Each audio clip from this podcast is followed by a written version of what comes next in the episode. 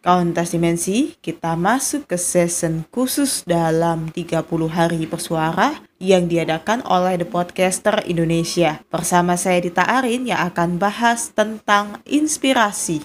Dari mana datangnya inspirasi dalam membuat podcast lintas dimensi ini? Pertama, tentu dari pengalaman diri sendiri ini ya dan yang kedua ya dari suami yaitu Bang Sen. Lalu ada lagi dari beberapa channel YouTube seperti Kisah Tanah Jawa, Supranatural Investigator. Ah ini bagus juga ya kalau kalian mau dapat pengetahuan tentang dunia supranatural. Lalu ada lagi yang Mbah Mijan. Itu bagus juga tetapi yang untuk episode tertentu sih.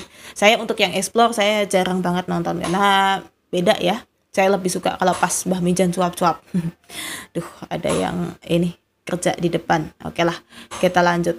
Nah, kalaupun cerita yang lain ya dari teman-teman podcaster juga ada gitu kan atau yang kadang kan dari orang ini nggak tahu ya tiba-tiba DM gitu kan ke IG-nya podcast underscore lintas dimensi nggak tahu juga kenapa kok tiba-tiba DM dan mau cerita gitu padahal apalah ya podcast ini tapi dia mau ya sudah kita hargai aja. Cuman sayangnya orang-orang ini masih belum mau ya. Ceritanya untuk di share ke orang banyak dia milihnya adalah untuk mbaknya aja. Oh ya oke okay lah gitu. Jadi sampai dengan saat ini saya nggak berani untuk kasih di podcast ya yang lain aja lah Sumber inspirasi juga tidak akan habis ya, asalkan kita bisa terus menggalinya dari sisi mana pun. Jadi kalau dibilang sumber inspirasi itu habis, aneh sih. Karena saya sendiri aja dengan podcast yang begini bisa menggali dari sisi mana saja gitu. Apalagi saya ungkap dulu dari logikanya baru masuk ke supranaturalnya. Jadi supaya pikiran logika kita tetap jalan. Jangan kita melulu ke hal yang gaib aja enggak. Kita harus mainkan logika dulu baru kita menuju ke hal-hal yang seperti itu. Nah soal keakuratan ini wajib kita perhatikan. Baik saya maupun Bang Zen juga tidak mau main-main. Jadi harus benar-benar akurat. Nah kalau dirasa ragu ya misalnya ini cerita dari teman-teman gitu kan yang tahu-tahu DM gitu ya berarti masuknya ke dalam pengalaman horor Oh ya, sekali lagi nih ya, saya pertegas juga bahwa horor dengan supranatural itu berbeda jauh. Kalau supranatural itu segala hal di alam ini yang sudah tidak mampu dilogika oleh manusia. Sedangkan horor ya hanya menampilkan sisi seramnya saja gitu kan dalam mengolah juga saya sendiri nggak mau asal ya. Ya selain ada sensornya dari Bang Zen saya sendiri dalam mengolah untuk bisa masuk ke podcast ini nggak mau asal juga. Misalnya begini ada kasus yang heboh ya seperti ini. Saya contohin aja yang tentang kasusnya tiga anak yang hilang main di kebun kelapa sawit ya. Dan itu kan sampai sekarang belum ketemu kalau Mbah Mijan sudah berani karena memang Mbah Mijan sendiri dimintakan tolong sama tetangganya atau salah satu saudaranya itu. Tapi dia pun juga tidak berani mengungkapkan ke umum ya tentang kronologinya bagaimana gitu. Ya hanya keluarganya sajalah yang tahu. Dan sampai sekarang belum ketemu. Makanya saya juga tidak berani membahas hal ini. Uh, apa ya? Berarti kan kasus ini belum clear. Yang saya takutkan nanti ter jadi asumsi-asumsi yang lain. Oh menurut Mbak Dita lintas dimensi begini loh wah bahaya kan? Nanti jadi saling perang asumsi kan? Aduh padahal kita nggak pingin yang seperti itu. Kita kan inginnya mengkelirkan satu masalah. Nah ada juga kasus yang memang saya bahas juga. Waktu itu besar juga sih kasusnya dan itu sudah sudah clear ya. Artinya orangnya udah ketemu orang hilang juga tapi sudah ketemu. Kalau yang ini asli dia memang masuk ke dimensi lain dan saya bahas di episode perjalanan ke dimensi lain. Itu saya bahas di sana. Ada semua bisa kawan tas dimensi dengarkan ya. Jadi ya kalau di sini nanti saya spoiler. Ada deh itu kenapa kasusnya orang itu. Saya waktu itu bahas yang ini yang orang hilang ini ini karena saya cukup gatel ya ada podcaster yang bilang bahwa orang ini kena gangguan jiwa enggak orang ini bukan gangguan jiwa, bukan orang-orang yang keterbelakangan mental juga bukan gitu. Jadi memang asli orangnya hilang, hilang ke dimensi lain itu.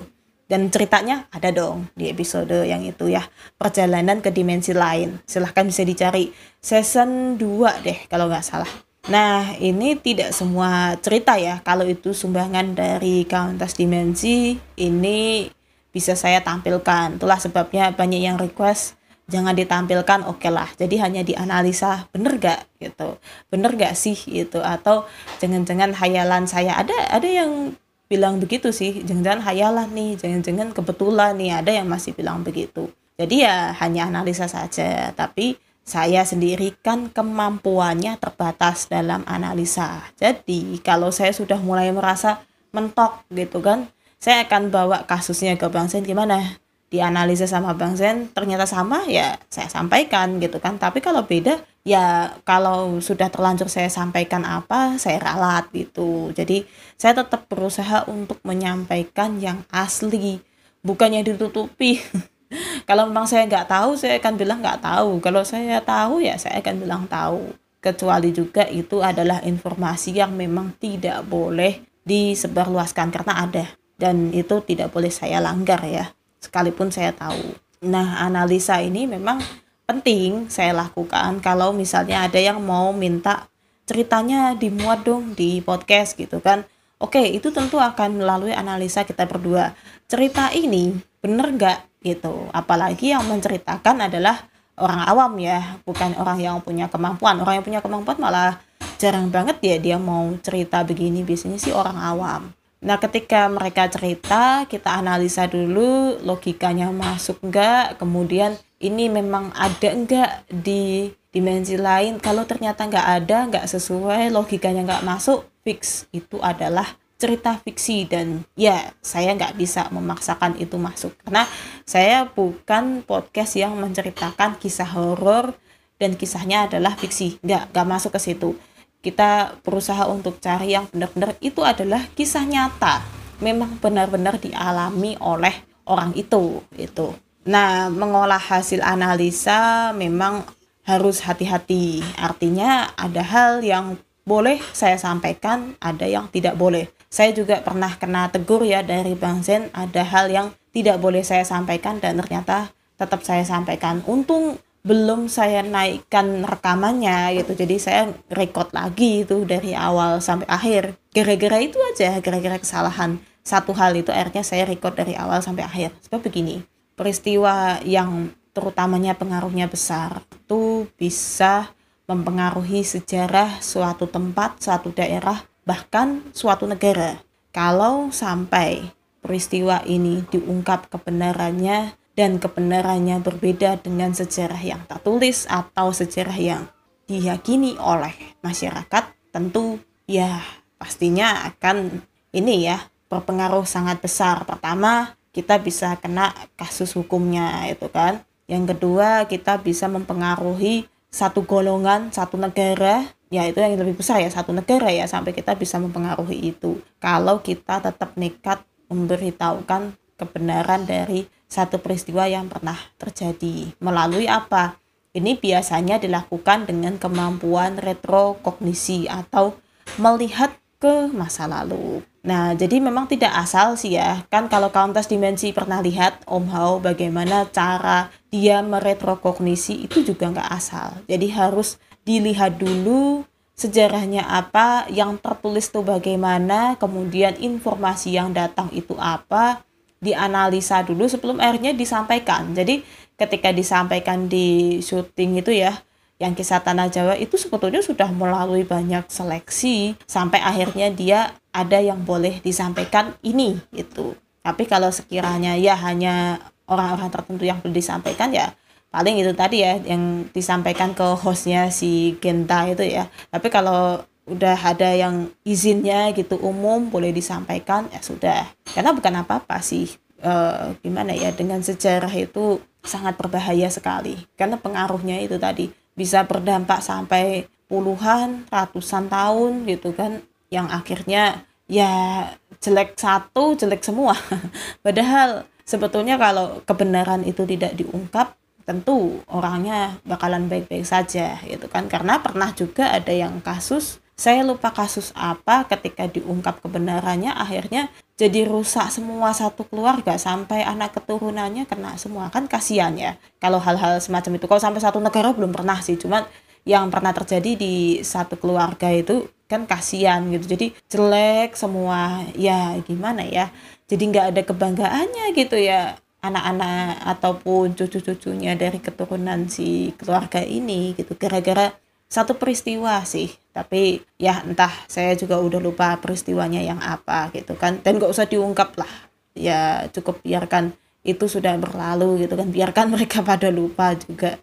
Dan lebih parahnya lagi adalah saya bisa dipidana kalau saya menyampaikan sesuatu hal yang pada akhirnya dianggap itu hoax. Mau sekuat apa saya bilang menurut retrokognisi, menurut ya terawangan ke masa lalu. Tetapi kalau tidak ada bukti otentik atau berupa tulisan atau berupa pahatan batu ya atau apa pun itulah surat bisa ataupun benda sesuatu hal atau foto atau lukisan ya pasti kan akan dibilang hoax ya. Kan tidak ada buktinya gitu. Apa buktinya? Ataupun tidak ada saksi hidup yang mengatakan itu cukup susah gitu kan. Dan bahayanya di situ. Rusak sejarahnya.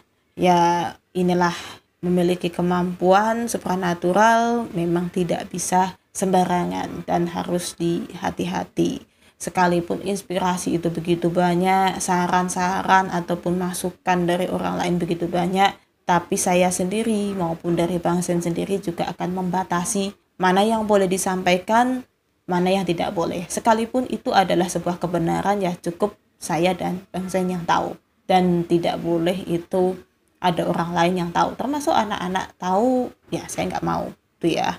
Dan tak selamanya juga kebenaran itu baik bagi seluruh manusia. Bisa jadi kebenaran itu benar benar-benar terjadi tetapi tidak baik kalau disampaikan.